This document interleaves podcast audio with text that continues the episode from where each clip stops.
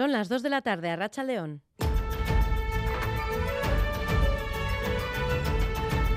Crónica de Euskadi con Irache Martínez.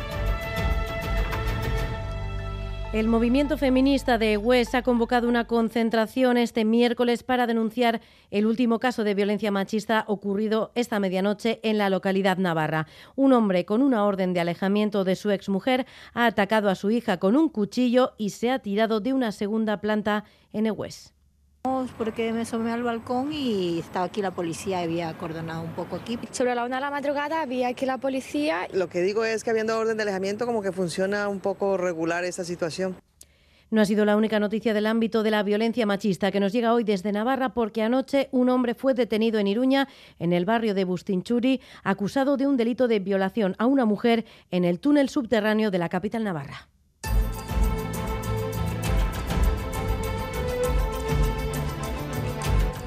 Y en Madrid cuenta atrás para que Yolanda Díaz presente mañana su proyecto Sumar y previsiblemente también su candidatura a las elecciones generales. Todavía sin acuerdo con Podemos, hoy Yone Belarra le ha tendido la mano para lograr un pacto in extremis esta misma tarde.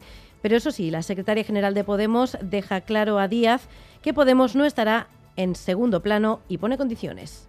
Basta con que esta misma tarde Podemos y Sumar firmemos una declaración en la que nos comprometamos a celebrar unas primarias abiertas al conjunto de la ciudadanía. Le pido a Yolanda Díaz que cerremos ya ese acuerdo y que nos pongamos juntas a hacer campaña. Además, este sábado nueva entrega de la encuesta EITB Focus sobre los indecisos y Manuel Manterola.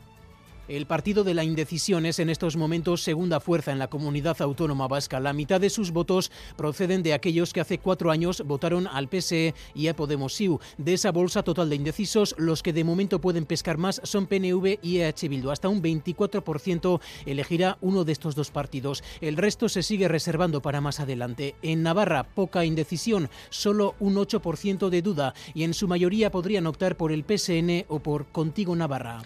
Enseguida vamos con estos y otros asuntos, pero antes, como siempre, la actualidad deportiva. John Zubieta, Rachaldeón. Hola, ¿qué hay? Eh, desde este mediodía está en marcha el Gran Premio Indurain de Ciclismo con un cartel de lujo y más de 200 kilómetros de recorrido con Ken Pharma, Euskaltel Euskadi y Caja Rural, además de 10 equipos de la World Tour. En la meta de Villatuerta, kilómetro 45, ha pasado en la cabeza Xavier Canellas del EHE e con Mikel Vizcarra de Euskaltel Euskadi segundo. Vamos a ver si podemos establecer comunicación con nuestro compañero Dani Gaña. Dani, Rachaldeón. Bueno, pues como puede comprobar, no podemos mantener esa comunicación. Seguimos con más temas porque el Athletic está un poco más de hora y media de medirse al Getafe en San Mamés con la necesidad de ganar para optar al premio europeo de en vísperas de la Copa del Rey ante Osasuna.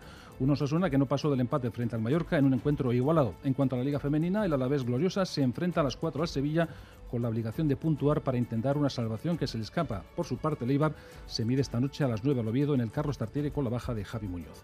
En baloncesto, espectacular triunfo del Vasconia ante el Fenerbahce y enorme victoria del Lointe Guernica ante el Girona para clasificarse para las semifinales de la Copa de la Reina. Además, el Bilbao Basket busca esta noche su undécimo triunfo ante el Zaragoza y en pelota el Labreita coge esta tarde en la final del mano parejas de segunda entre la Razabal Esquiroz y Zabala Gascue en la antesala de la finalísima de primera de mañana. En estos momentos tenemos 12 grados en Gasteiz e Iruña, 13 en Donostia y Bayona y 16 grados en Bilbao. Vamos a ver qué nos espera para las próximas horas. Euskalmet, Jayone Munarriz, Arrachaldeón. Caixo Arrachaldeón, durante la tarde el viento del noroeste irá ganando fuerza y va a ser muy molesto en la costa, sobre todo donde soplará con algunas rachas fuertes, especialmente por la noche. También eh, aumentará la inestabilidad durante las próximas horas y los chubascos van a ser más frecuentes y abundantes, sobre todo se darán en el norte sin descartar que localmente sean intensas y que se produzca alguna tormenta, especialmente en el este y sobre todo por la noche. En cambio, en la mitad sur los chubascos van a ser más débiles y más ocasionales. La temperatura también irá bajando y al final del día es probable que la cota de nieve se sitúe en torno a los 1.200 metros. Y mañana el ambiente será fresco con máximas que volverán a bajar situándose en torno a los 10 y los 12 eh, grados. El viento del noroeste será intenso, sobre todo durante la mañana y especialmente en la costa y el cierzo por la tarde también se va a intensificar. Este viento incrementará la sensación de frío. Por otro lado, los chubascos tendrán continuidad mañana, sobre todo durante la primera mitad del día y especialmente la vertiente cantábrica. En carreteras, el Departamento de Seguridad nos eh, informa de la reapertura de los carriles eh, en la A15 en ambos sentidos a la altura de Villabona. En este punto, un camión ha obstaculizado la calzada, obligando a cortar el tráfico, lo que ha generado retenciones durante más de una hora. Y en la Guipúzcoa 20, en sentido Aricheta, la circulación recobra la normalidad también tras la retirada de dos vehículos que han colisionado en este mismo punto. En el control técnico, Joseba Urruela, Jesús Malo y Asier Aparicio. Son las 2 y 5 minutos de la tarde. Seguimos. Crónica de Euskadi con Irache Martínez.